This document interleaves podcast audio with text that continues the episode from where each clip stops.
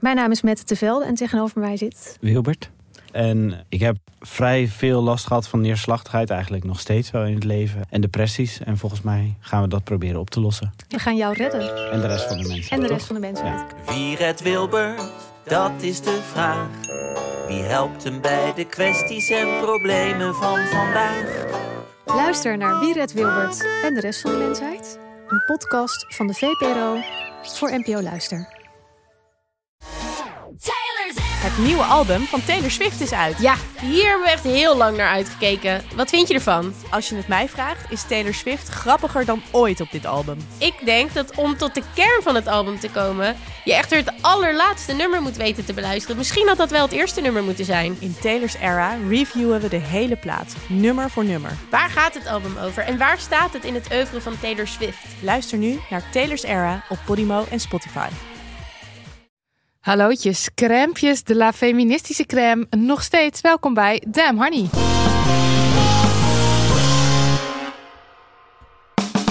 De podcast over shit waar je als vrouw van deze tijd mee moet dealen. Nog steeds. Mijn naam is Marilotte, nog steeds. En ik ben Nidia Letitia Louise van Voorthuizen. Oh ja, Helemaal anders dan net. ja, Opeens dat is- heet ik bent- helemaal anders. Jij bent iemand anders geworden. Dit is aflevering 93 deel B. Hallo en welkom.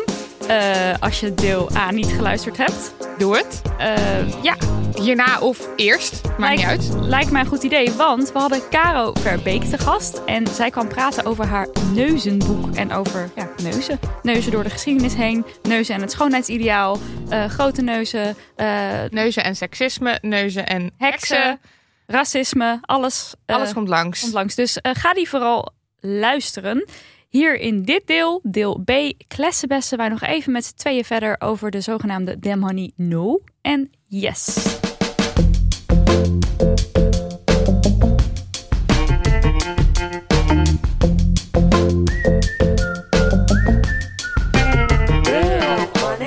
Even een uitleg van wat deze rubriek inhoudt voor de mensen die geheel toevalligerwijs op eh, deze aflevering hebben geklikt en die denken van, nou, ik heb, waar gaat Wat dit over? is Wat is dit? Waar kom ik terecht? Nou, de rubriek The Damn Honey Yes en No houdt in dat wij allebei iets vertellen. Eén, waar we eh, boos van werden, de Damn Honey No. En twee, waar we blij van werden, de Damn Honey Yes. Ja. En Marilotte heeft deze week de Damn Honey No. Dus die gaat iets vertellen waar ze verdrietig, boos, ik weet niet wat van werd, want ik weet niet wat je gaat vertellen. En eh, ik ga iets vertellen waar ik blij van werd. Dank voor deze Heldere uiteenzetting. Iedereen nu al uitgetuned. mensen blijf. Eh, ik heb de no. Ik heb de no. Ik Ja, werd, vertel, wat eh, heb je? Ik werd boos en verdrietig natuurlijk. Die emoties gaan vaak samen bij de Honey No. Ehm, ik heb me verdiept in het ultra fast fashion bedrijf Shein. Shein. Shein. Je spreekt het uit als Shein. Je schrijft het al S-H-E-I-N. Oh ja, dat ken ik wel. Of ik heb het wel eens voorbij zien komen. Ja, je ziet het denk ik vooral voorbij komen op social media. Het is een ontzettend social media georiënteerd eh, bedrijf. En eh, ik ben tegenwoordig geabonneerd op de nieuwsbrief van de Havermelk Elite. En eh, dat is de brief van, nieuwsbrief van Jonas Kooijman. En hij tipte een artikel van Wired over Shein. En ik weet niet, ken jij het recent of ken je het al heel lang? Nee, ik ken het recent, want wij eh, mochten naar het boekenbal. En toen hadden wij eh, outfits die wij wilden laten matchen. En dat betekende dat ik ehm, neongele schoenen en neongele tas en nagellak nodig had. Dus Ja. ik ben toen heel specifiek daarop gaan zoeken. En toen kwam ik wel terecht op die website. Ik heb daar verder niks gekocht, maar ik, ik, ben het, ik heb het al gezien. Ja, same met mij. Ik was op zoek naar roze schoenen inderdaad. Van die knalroze, hup, meteen bovenaan Maar. Ik dacht wel, oh, is dit niet, een, is dit niet fake of zo? Ik kende het echt niet. Dus Nee. ja, blijkbaar is het heel groot en bekend, maar ik had geen idee. Nou, het is dus vooral bekend onder jonge mensen. Dus meer de Gen Ah. Wij zijn daar te oud voor, Ja. helaas. of nou ja, helaas. Het is wel echt, nou ja, vreselijk verhaal. Eh, Oké, en Shein is vooral, ja, eh, het is wel echt alom aanwezig als je er dus naar gaat zoeken. Eh, drie jaar geleden wist overigens bijna niemand wat het was. Maar nu is het bijvoorbeeld in Amerika goed, is het bedrijf goed voor 28% van de fast fashion markt. Oh, wauw. Dat is echt een groot onderdeel. En ehm, als je op TikTok gaat kijken, dan is daar een, een hashtag. En het, die hashtag is Shein Hall. H-A-L-L? H-A-U-L. Oh, hol. De Ja. En de hol, ja, die bestond al wel volgens mij. Want dat is dus wanneer, en dat zijn vaak jonge meiden, soms ook wel jongens, die ehm, eh, hebben heel veel gekocht in de stad of online. En die gaan het dan allemaal showen. Oh, Oké, dat is een hol. Dat is een hol. Dan Oh, hebben ik ben zo'n oude vrouw. I know. I know, niet. Vertel me meer. Ik ken alleen de Peek en Kloppenberg. Berg. Wat is dat ook weer? Oh, dat ken jij niet. Jawel, dat ken ik Wel, wel. ja. Maar bestaat dat nog? Nee, ik denk niet. dat bedoel ik. D&D in onze tijd. Je ging vroeger naar de de- ja, en de Pekenkloppenburg. ja. Wat? maar goed, je hebt dus de Shein Haul. Dat is dus specifiek dat mensen eh, heel veel kleren gaan kopen bij Shein. En dat dan eh, aan hun volgers eh, op TikTok voornamelijk gaan showen. En ehm, als je dus eh, die hashtag gaat zoeken op TikTok, die heeft nu 5,3 miljard views. Dat is echt, ja, dat is heel veel. Als in, in Gigantisch. verhouding met andere. Oké, ja. ja, dat is echt heel veel. Ja, het klinkt, het klinkt ook als verschrikkelijk veel, Ja. maar ik weet niet wat normaal is. Het is veel. Ehm, en eh en eh, Shein heeft ook eh, 24,6 miljoen volgers op Insta. En als je in de winkel-app gaat zoeken, op zeg maar gewoon op je telefoon gaat zoeken naar een, naar een winkel-app, dan staat Shein zeg maar bovenaan bij Zalando en eh Zara en H&M en zo. Dus om maar even aan te geven hoe bekend Shein is, toch wel onder een hele grote groep mensen die wij niet zijn. En dit bedrijf is momenteel meer waard dan Zara en H&M gezamenlijk. Oh ja, oké. Eh eventjes, eh, wat is het voor bedrijf? Het bestaat sinds 2015. eh, nam een vlucht in de pandemie, omdat het dus alleen online gaat. Het gaat voornamelijk om kleding. maar ook accessoires, sieraden, schoenen, beddengoed, kookspullen. En ze hebben blijkbaar de ambitie om een soort Amazon te worden. Eh, en het belangrijkste, en het meest schadelijke eigenlijk, is dat alles mega goedkoop is. Echt ontzettend goedkoop. Je kunt zeg maar alles een beetje krijgen tussen de, tussen de 5 en de 30 euro. Dus Oh, wow. eh, je kan een jurkje kopen voor 5 euro, een corset voor 3, oorbellen voor 1. En eh, de meeste dingen zitten ook een beetje in die range. En het wordt nog goedkoper als je in de sale eh, koopt. En er zijn dus geen fysieke winkels. De hele organisatie en alle reclame bestaat eigenlijk alleen maar op social media. En het is dus echt ultra fast fashion. Want elke dag komen er gemiddeld 6000 nieuwe items op de site bij. Oh mijn god. Elke dag. Dat is echt verschrikkelijk. En eh, er, was, er stond in dat artikel van, eh, van Wired stond een vergelijking. In de, in de periode van 12 maanden had H&M eh 25.000 nieuwe items op eh, hun site. Of Wacht, in één jaar? jaar, 12 maanden.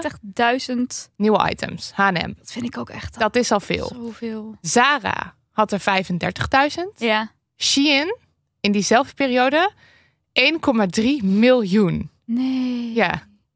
Het is echt, het is bizar. En Oh, wat, dus, verschrikkelijk. wat dus zo erg is ook aan Misschien deze... moet je vanaf nu het na- de naam niet meer noemen, want het mag ook geen reclame worden voor mensen die nu gaan Ja, denken, oh lekker goedkoop, oh lekker Zullen we het bedrijf X noemen dan? bedrijf shit. Bedrijf shit. Oké, shit. Eh, nou, dit bedrijf shit is eh, ontzettend vaag over werkwijze. Dus hoe de kleding, eh, kledingketen in elkaar steekt, hoe de materialen zijn gemaakt, waar die vandaan komen, wat de omstandigheden zijn van de werknemers, of werknemers betaald krijgen, hoeveel uur ze moeten werken, waar afval gedumpt wordt, hoeveel afval er is. Ehm, eh, is allemaal één grote black box. Hmm. Er zijn nu wel onderzoeken bezig. De kans is bijvoorbeeld best wel groot dat ehm, eh, de, het, het katoen wat ze gebruiken, dat dat geïmporteerd wordt uit dat gebied Xinjiang. En dat is dat gebied waar de onderdrukte Oeigoeren-populatie. Oh ehm, Ja. ehm, ja, ja, dus eigenlijk ja, slavenwerk doet. ja. En ehm, dingen terugsturen van deze website schijnt niet echt. Dat schijnt niet heel makkelijk te zijn. Maar veel mensen denken ook: ach, het was zo goedkoop. Waarom zou je het terugsturen? goed. Eh, dus dan gooien ze het dus weg. En ehm, wat je ook veel hoort van dit soort grote fast fashion bedrijven en eh, bedrijf shit is daar ook een grote onderdeel van. Is dat ze dus eh, ontwerpen en ideeën stelen van kleine individu- individuele designers en artiesten en fotografen online, zeg maar. Dus hun, hun designers scouren die internet naar foto's, naar ideeën en Oh, nemen dat gewoon over. Ja. Ik vind het wel best wel opvallend dat dit dus nu gebeurt in een wereld of in een periode waar we dus er ook enorm van doordrongen zijn dat we met een klimaatramp te maken hebben. Mhm. Want we weten dat het een vet groot probleem is. Dat, eh, dat, dat fast, fashion een, fast fashion een enorm groot probleem is als het gaat over het klimaat.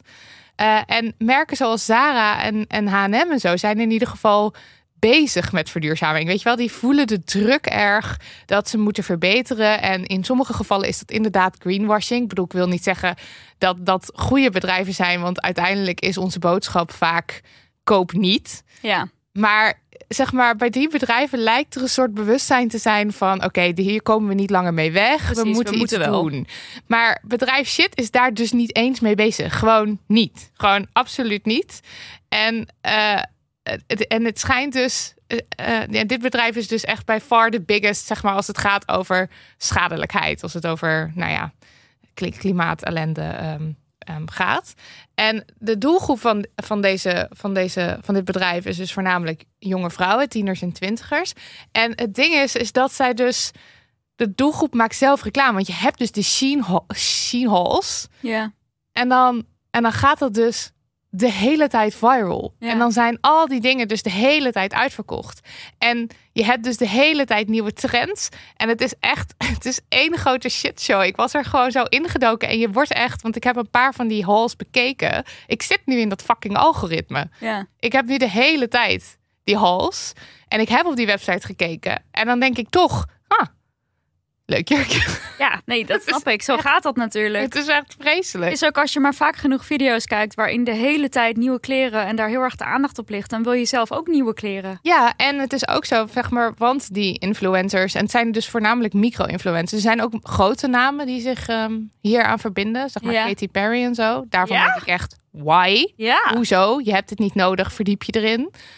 Eh, maar er zijn dus ook mensen, ja, ik denk gewoon dat dat jonge mensen zijn die bijvoorbeeld ambitie hebben om beroemd te worden of zo. Ja. Of, of inderdaad eh, een soort mode-influencer te zijn. Ja. En dan voel je die druk. En dan is bedrijf shit gewoon echt een enorm goeie voor jou om daar je zooi te kopen. Want waarschijnlijk krijg je het ook nog gratis als er een beetje dingen uitkomen. Je kan kortingscodes. Oh ja. Eh, dus het, het is zeg maar, het houdt zichzelf zo in stand. En dit is gewoon hun manier om heel groot te worden. En het werkt.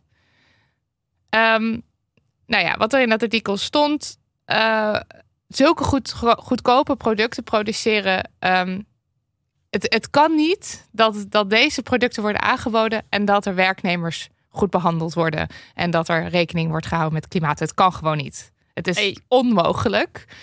En ehm, ik zag een YouTube-video van een journalist. En zij is zo'n beetje de enige die soort van een kijkje heeft genomen bij bedrijf shit, zeg maar, achter de schermen. Oh wauw. Eh, ik weet niet wat daar het verhaal achter is, maar zij wist dingen.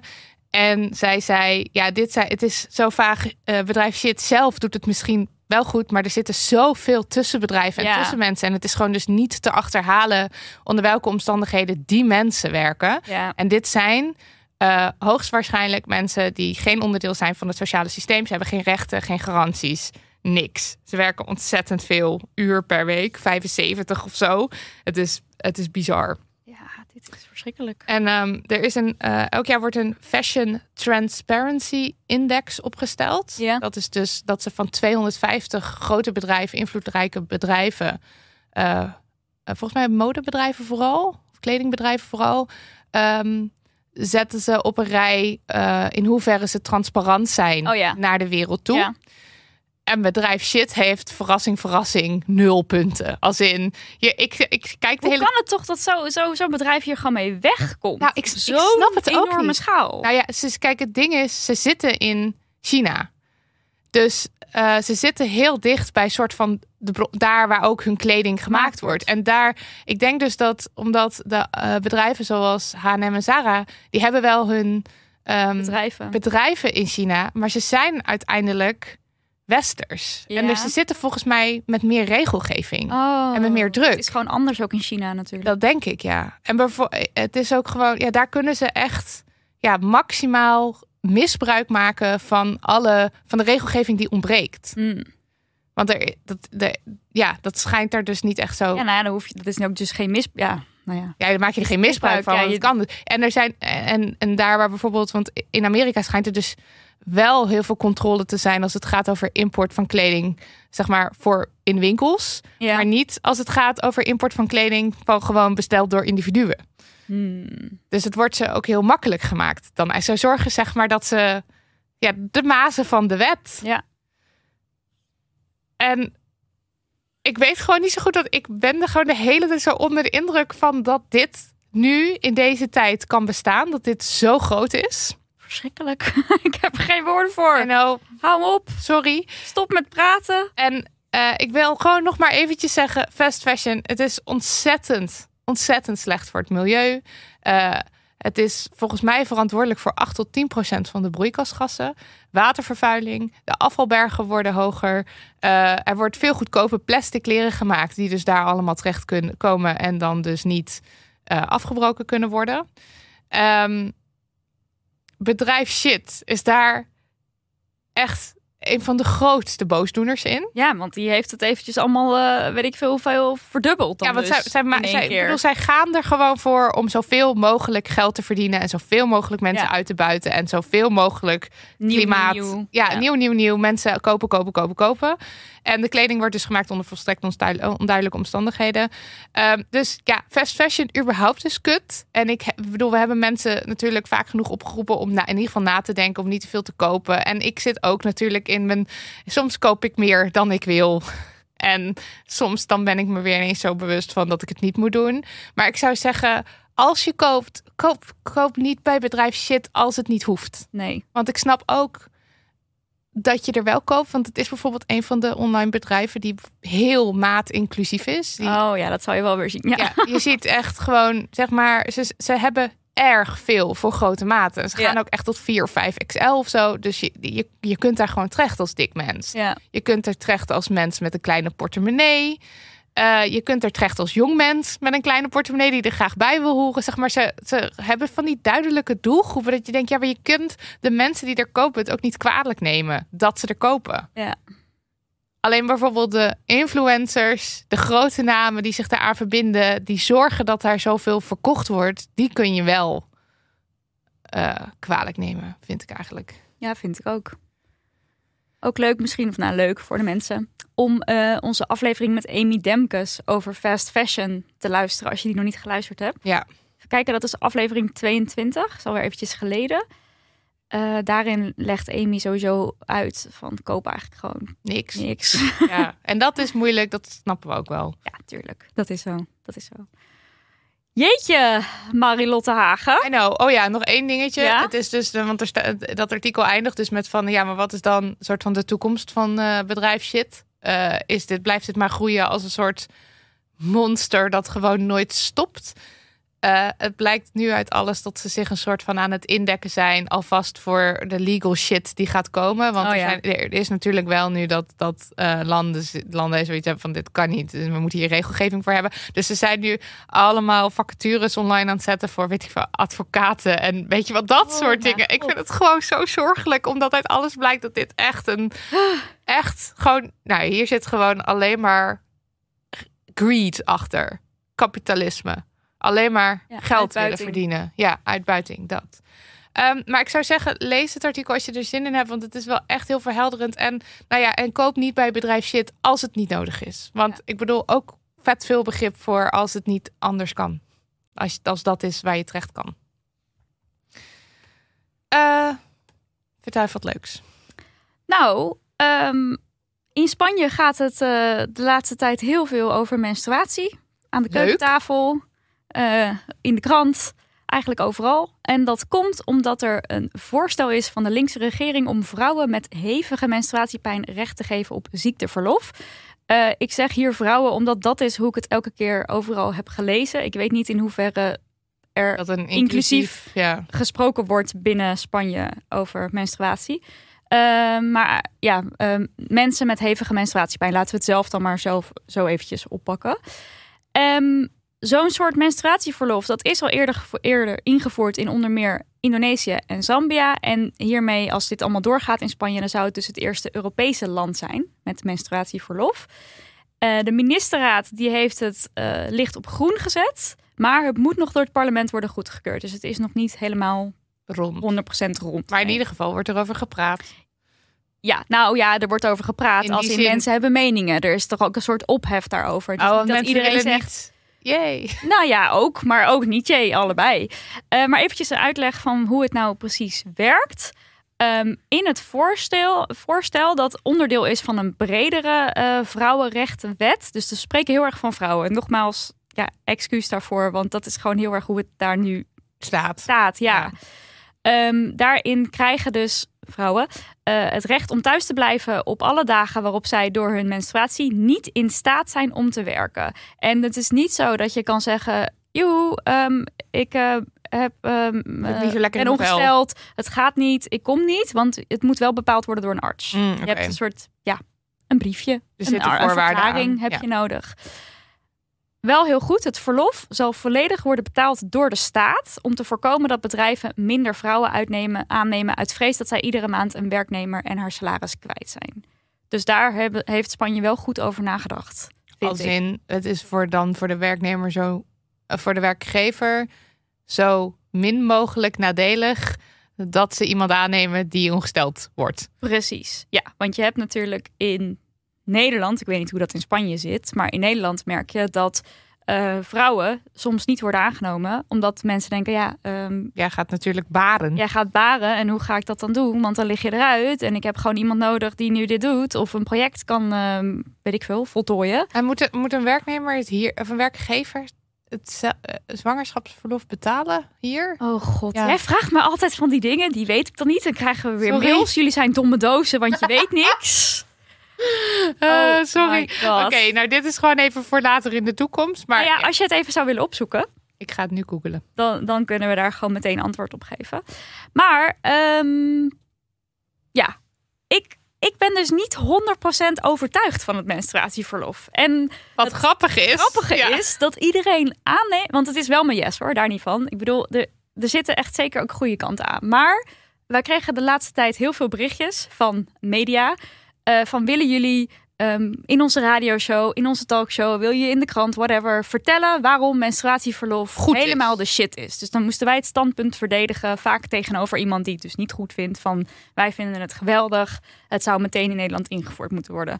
Want je krijgt natuurlijk, ook in Nederland gaat het gesprek ook rollen op het moment dat het in Europa aan de hand is. Zie je gewoon dat kranten gaan schrijven van eh, menstruatieverlof. Moeten we dat niet ook in Nederland invoeren? Heb je ondertussen het opgezocht? Ik denk, hier staat, tijdens uw zwangerschapsverlof heeft u recht op een zwangerschapsuitkering. Uw werkgever vraagt de uitkering aan Ja. bij uw WV. Meestal ontvangt uw werkgever de uitkering. Hij betaalt dan uw loon gewoon door tijdens uw verlof. Dus ik Mhm. denk dat werkgevers het ook hier zo makkelijk mogelijk wordt gemaakt in die zin. Financieel. Goed om te weten. En nu niet een mailtje sturen. Dat wil ik niet weten, want we hebben het gewoon op. We hebben het opgezocht. Het internet is onze oester. Ehm, ja, dus eh, even kijken, terug naar waar ik was.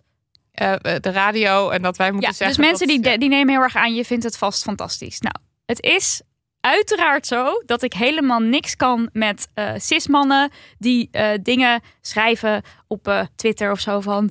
Nou, ik wil ook wel vrij eh, elke, elke maand. Eh, of, eh, nou, dan zul je zien dat alle vrouwen, eh, als, als de zon schijnt, opeens last hebben van de menstruatie. Dat soort opmerkingen kan ik helemaal niks mee. Ik kan ook helemaal niks met eh cis-vrouwen die zeggen van wat een onzin, het hoort erbij, gewoon de schouders eronder. Ja. Wij kregen vroeger ook, wij moesten ook door. Dat ook eh, kan ik helemaal niks mee. Tegelijkertijd vind ik het dus wel dubbel. Want ja, ik vind dat er aandacht moet naar pijn en klachten rondom de cyclus en menstruatie. Mensen die vaker naar ons luisteren, die weten dat dit, wij hebben het hier heel vaak over. Over dat eh, ziektes bij eh, mensen met een baarmoeder, ehm, die daaraan gerelateerd zijn, dat die vaak niet serieus genomen worden. Mhm. Dat het heel lang duurt voordat de juiste diagnose wordt gesteld. Dat er inderdaad wordt gezegd: het hoort er nou eenmaal bij. Niet zo zeuren. Dat het gesprek daarover voeren nog heel lastig is. Ehm, dus ja, ik vind dat die klachten en die pijn serieus genomen moet worden. En dat het taboe rondom menstruatie moet verdwijnen. Maar ik weet gewoon niet of ik nou vind dat daar een apart verlof voor de wereld ingeroepen moet worden. Dat is een beetje Ja. waar ik elke keer van denk van... waarom specifiek voor dit een, een, een los verlof? Want ehm, Waarom niet gewoon serieus nemen dat mensen soms pijn hebben? Of Ja. soms echt even niet kunnen werken omdat ze weet ik veel, echt heel somber zijn of zo. Weet ik Of veel. anything, ja. Anything. En ik, want vanochtend toen eh, ik werd wakker en eh, ik opende de NOS-app en toen stond er ruim helft werknemers in overgang ondervindt hinder op werk. En dan denk ik, ja. Dit heb je dus ook. Mensen die in de overgang zijn. En dan eh, hebben ze dus het gevoel. Het is een, eh, een onderzoek wat is uitgevoerd door de CBS en TNO. En dan eh, hebben mensen dus het gevoel dat ze niet gehoord worden door hun werkgever. Ja. En dan staat hier: de werknemers met klachten hebben vooral behoefte aan meer ondersteuning en begrip op de werkvloer. Daar vraagt 57% om. En dat zouden ze vooral willen van hun leidinggevende. Vrouwen, staat hier ook weer. Die regelmatig klachten hebben, zo'n 15% zouden ook meer steun van een bedrijfsarts willen. Dus daaruit blijkt alweer dat dat er dus gewoon niet is. Nee. Ook met overgangsklachten. Ja. Ga je dan een overgangsverlof eh, invoeren? Ik zou zeggen, voer, voer gewoon mogelijkheden in voor mensen als ze ergens mee dealen. Ja. En ook neem die schaamte weg en neem ze serieus. Ja, het, het, het is natuurlijk heel vaak zo binnen bedrijven dat er eigenlijk van je verwacht wordt dat je je gehele loopbaan, dus vanaf je, nou, eh, noem maar wat, 20ste, 25ste, whatever, wanneer ga je, wanneer werk je, eh, tot aan je 67ste, Ja. elke dag van die hele periode Altijd. precies op dezelfde manier zou moeten kunnen functioneren. Dat is natuurlijk de grootste onzin ooit. Want er zijn heel veel redenen die je kan bedenken, waardoor je niet, waardoor je de ene dag anders functioneert dan de andere dag. Ja. En dat kan inderdaad komen doordat je eh, door je menstruatie er compleet af ligt. Maar dat kan ook komen omdat je net eh, eh, ouder bent van een kind bent geworden. Dus dat je slechte nachten maakt. Maar dat je op een gegeven moment moet je toch weer aan het werk. En ik had het laatst met een vriend over verliefd zijn. Dat zeg maar, ik bedoel, ik weet, ik zou niet willen zeggen voer een verliefdheidsverlof in. Maar ook dan functioneer je dus anders. Want dan ben je zo helemaal preoccupied met degene op wie je verliefd bent. En ook dan functioneer je anders op je werk. dan functioneer je ook anders. Eh, maar ook inderdaad eh, de, de overgang waar we het over hadden. Eh, verlies van een dierbare. Ja. Je kan te maken krijgen met rouw. Dat, dat kan heel lang duren. Eh, of nee, dat is een never-ending proces. Maar dat kan elke keer weer opkomen. Eh, ik vind verliefdheid vind ik een grappig voorbeeld, maar ik vind het toch ook wel weer gevaarlijk, omdat mensen, weet Ja, je wel, het, is, als een- het wordt gewoon niet serieus genomen. En op Nee. het moment dat jij gaat zeggen, oh verliefd, er zou eigenlijk ook, daar moet je eigenlijk, weet je wel, ik vind het eigenlijk net een te serieus onderwerp om er, Nou, ik ben dat met je eens. En tegelijkertijd vind ik dus dat. eh, want dit zijn allemaal inderdaad. Ik bedoel, ik neem het natuurlijk ook serieus. Maar om maar aan te geven dat. Ik weet niet, emoties van mensen of levensfasen waar mensen doorheen lopen, doorheen gaan, dat daar gewoon het werk gaat altijd voor. En dat Ja. vind ik gewoon soms zo lastig. ja, en ik zou, het zou fijn zijn als eh, een werkgever vanaf het begin af aan al duidelijk maakt van, hey, ehm, mentale klachten, pijn, problemen, whatever, fysieke klachten, pijn, problemen, die zijn bij ons bespreekbaar. Ja. Daar is ruimte voor om het daarover te hebben. We nemen je serieus. We nemen je serieus. Het is niet vanuit wantrouwen dat we je bekijken, maar het is vanuit serieus nemen en de werkgever, eh, de werknemer, ik hou het altijd door elkaar, ondersteunen. Ja. En als die vrijheid er is om daarover eh, te praten, ehm, en dus ook aan te geven wat heb je nodig om ja, Ja, misschien wel functioneren, nog te ja. kunnen werken, als Ja. dat mogelijk is. Dat zou al zoveel schelen, want het hoeft niet altijd zo te zijn dat iemand drie dagen niet werkt. Dat kan nodig zijn, maar het kan ook zijn dat het al helpt als er bijvoorbeeld eh, een kleine takenwisseling is. Ja. Weet je wel, normaal eh, sta jij achter de kassa eh, en dan moet je bijvoorbeeld, nou, je moet bijvoorbeeld staan bij je baan. Wij gaan kijken of we kunnen regelen dat je zittend je taken kan doen. Of we kijken of je misschien op een andere plek iets kan doen wat wel bij jou past op dit moment. Ja. Dat kan helpen. Het kan ook zijn, het kan niet bij elke baan natuurlijk, maar bij banen waarbij dat wel mogelijk is, ehm, je werkt thuis Ja. vandaag. En in sommige gevallen, tenminste, ik weet dat dat bij mij was toen ik wel echt ernstige of een en best wel heftige PMS-klachten had. Dat het gewoon al hielp als ik een uur later mocht beginnen. Gewoon een uur later starten, omdat je gewoon je ochtend dan, weet ik veel. Dat zeg maar, het zijn soms kleine oplossingen. Ja. Ja, en het is natuurlijk wel altijd goed om je te bedenken dat het niet voor elke baan zo makkelijk is. Nee. Want als basisschooldocent of als iemand in de zorg, weet je, Je kan niet jij wil weg. ook niet dat je huisarts eh, net van tevoren zegt van, eh, nou sorry, maar dit, vandaag begin ik even een uurtje later. Nee, dat zou Want dan denk je, ja, onacceptabel hallo. zijn op een Ja, en ik Dus denk het dus is dat het niet zo makkelijk. kantoorbanen is dat altijd makkelijker. Zeker als je thuis ook je werk zou kunnen doen. Ja. Maar eh, waar we voor pleiten is dus dat het serieus genomen wordt en dat je het gesprek erover kan openen en dat mensen met je meedenken. Ja, want we horen toch al heel vaak. We hebben natuurlijk afleveringen gemaakt over migraine, over endometriose. En wat je vaak terug hoort, is dat mensen het heel moeilijk vinden om zich ziek te melden. Ja. Want er is veel schuldgevoel. Eh, het is vaak van ja, eh, eigenlijk kan ik niet werken, maar ik, ik ga toch maar. En waar, waar komt dat nou eigenlijk door? Ja, ik, vind het, ik vind het dus in die zin echt lastig dat, dus dat, dat het werk voor alles gaat altijd. Ja, We hebben het daar toch. Ja, en ik had met jou dat gesprek daarover. Toch dat ook in, ook in de coronacrisis, in de lockdown, dat je zeg maar als mens werden we gestript van ongeveer alles. Want het was natuurlijk alles zat dicht. Ja. We konden nergens heen. eh, we werden geacht afstand te houden. eh, weet ik het. Maar wat wel echt altijd doorging, was werk. was werk. Ja. Daar, dat was een soort van de, de, het, het anker van, wat, van ons bestaan. Ja. En op zich, eh, ik, ik, dat- dat dus ook door de overheid actief alles in het werk werd gesteld om maar mensen aan het werk te houden. Ja, Eh, in plaats van, hallo, we kregen ook allemaal mentale problemen. Eh, we hadden ook allemaal, weet ik, de- want de depressies waren toch ook through the roof. En mensen waren helemaal somber en weet ik. Wat logisch is, want opeens is het enige wat je in je leven hebt werk. ja. Ja, en daar wordt dan te weinig over nagedacht. Dat dat ook belangrijk is om eh, in die mentale gezondheid te investeren en te kijken van hoe, wat kunnen we doen Ja, precies. om dat ehm, ja, te, ja, niet al te diep te laten zakken. Eh, maar ja, dat wantrouwen waar nu zo vaak vanuit gedacht wordt.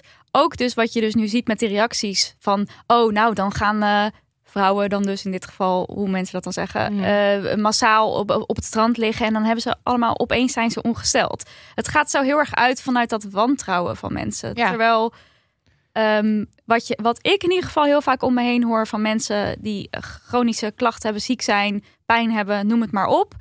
Dat ze juist heel graag willen, maar dat, dat het niet kan. En Ja. dat daar dus alleen maar juist heel veel schuldgevoel bij komt kijken.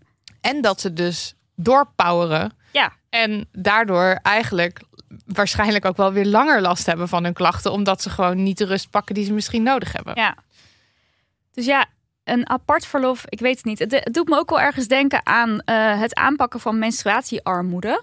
Wat eh, een onderwerp is wat je wel ook meer voorbij hoort komen, wat meer op de kaart staat. En wat belangrijk is natuurlijk. Wat aangepakt moet worden, want dat kan ook niet. Nee. Tegelijkertijd is er ook iets wat in mij zegt: het is gewoon armoede. Ja.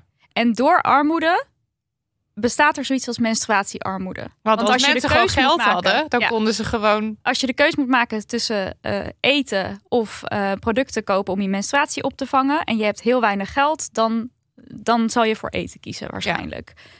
Maar als er eh, als zulke armoede in Nederland, een heel rijk land, niet zou bestaan, dan zou menstruatiearmoede ook niet bestaan. Dus natuurlijk, het is echt geweldig dat we daar aandacht aan besteden en dat er eh, organisaties zijn die menstruatieproducten eh, inzamelen of geld ophalen om dat vervolgens weer te verstrekken. Dat is goed, maar tegelijkertijd is, het, is er eigenlijk een soort groter probleem, namelijk gewoon armoede in het algemeen. Ja, en ik denk dus, want dat menstruatiearmoede nu meer aandacht heeft gekregen, is natuurlijk ook omdat dat specifieke, eh, specifieke onderwerp dan weer een onderwerp is wat je vergeet als je het hebt over armoede. Ja. En dat is natuurlijk ook goed. En dat is ook waarom ik het menstruatieverlof ook niet helemaal afschrijf of zeg van dit, ik vind het, ik vind het onzin of zo. Nee. Maar ik zou eerder willen dat eh, pijn en klachten serieus genomen worden. Ja. En dat, dat als jij daar last van hebt, dat je dan dus gewoon ziek bent. En dat het dus niet wordt gezien als eh, aanstellerij of, of whatever. En nu moet je er dan dus een briefje of een, of een artsenverklaring voor halen in Spanje. Of dat als, dat als deze regelgeving doorgezet wordt. En je zou je daarvan ook kunnen afvragen, hoezo eigenlijk?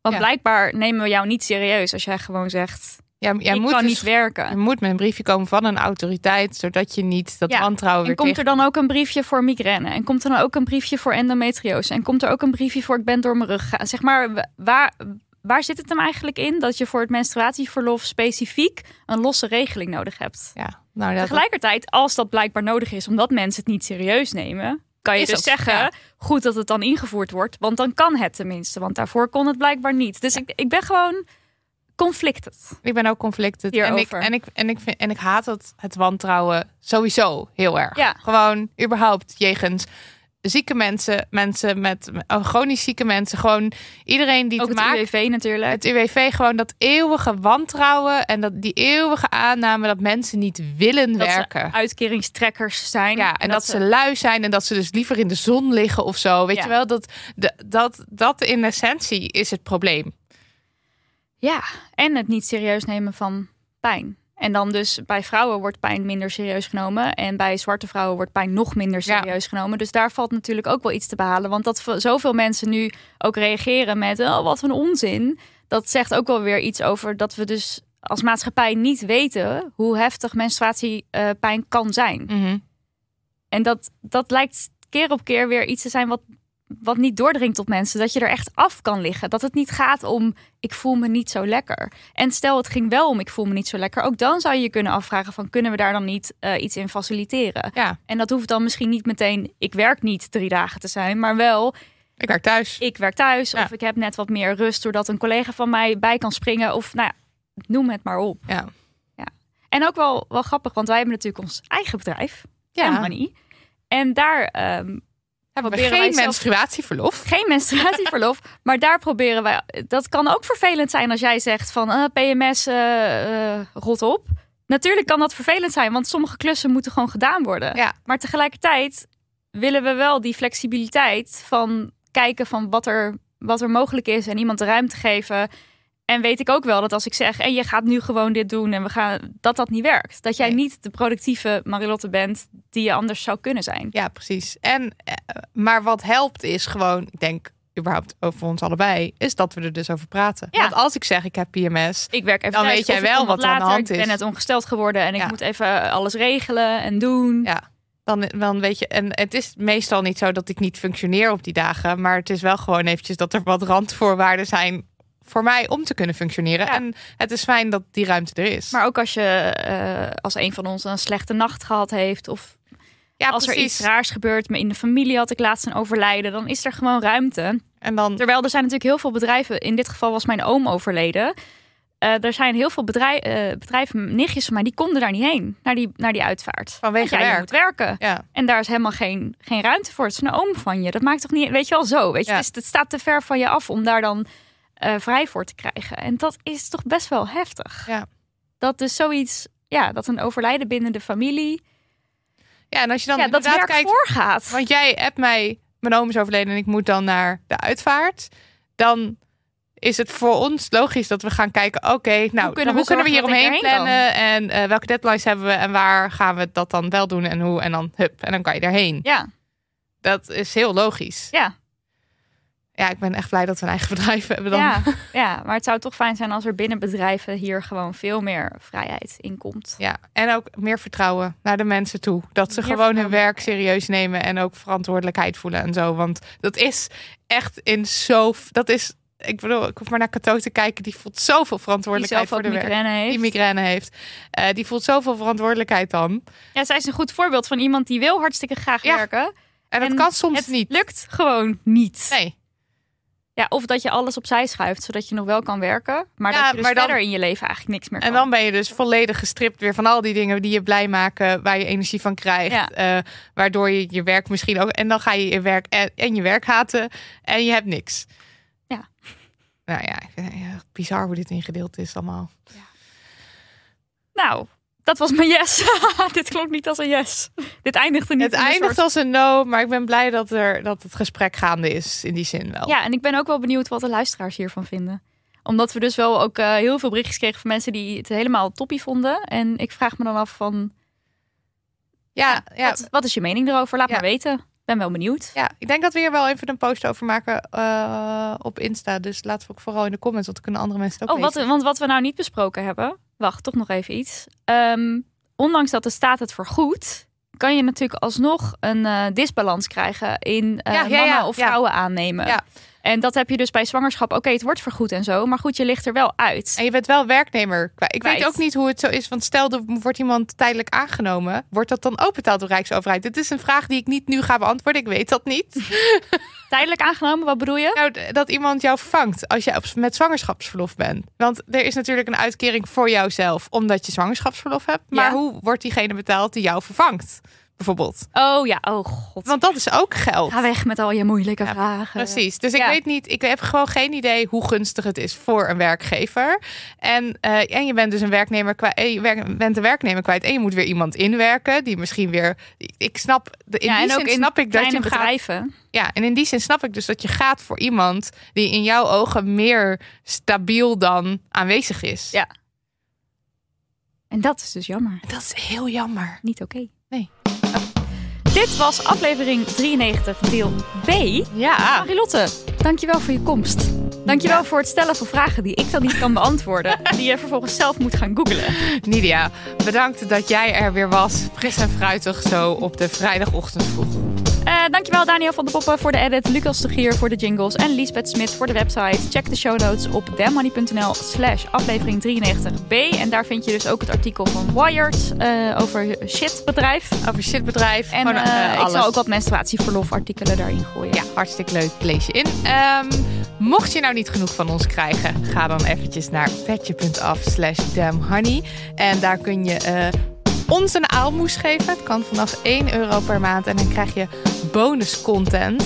De laatste bonus content was echt heel erg leuk. Want toen waren Laura en Silke van de podcast De Volksjury er. Eh, dat is een true crime podcast. En we hebben het gehad ook met hen over true crime en feminisme en alles. En het was echt een heel erg leuk Ja, wij zijn verliefd op Laura en Silke. Ja, wij zijn we toch wel toegeven, denk ik. ja, Ja.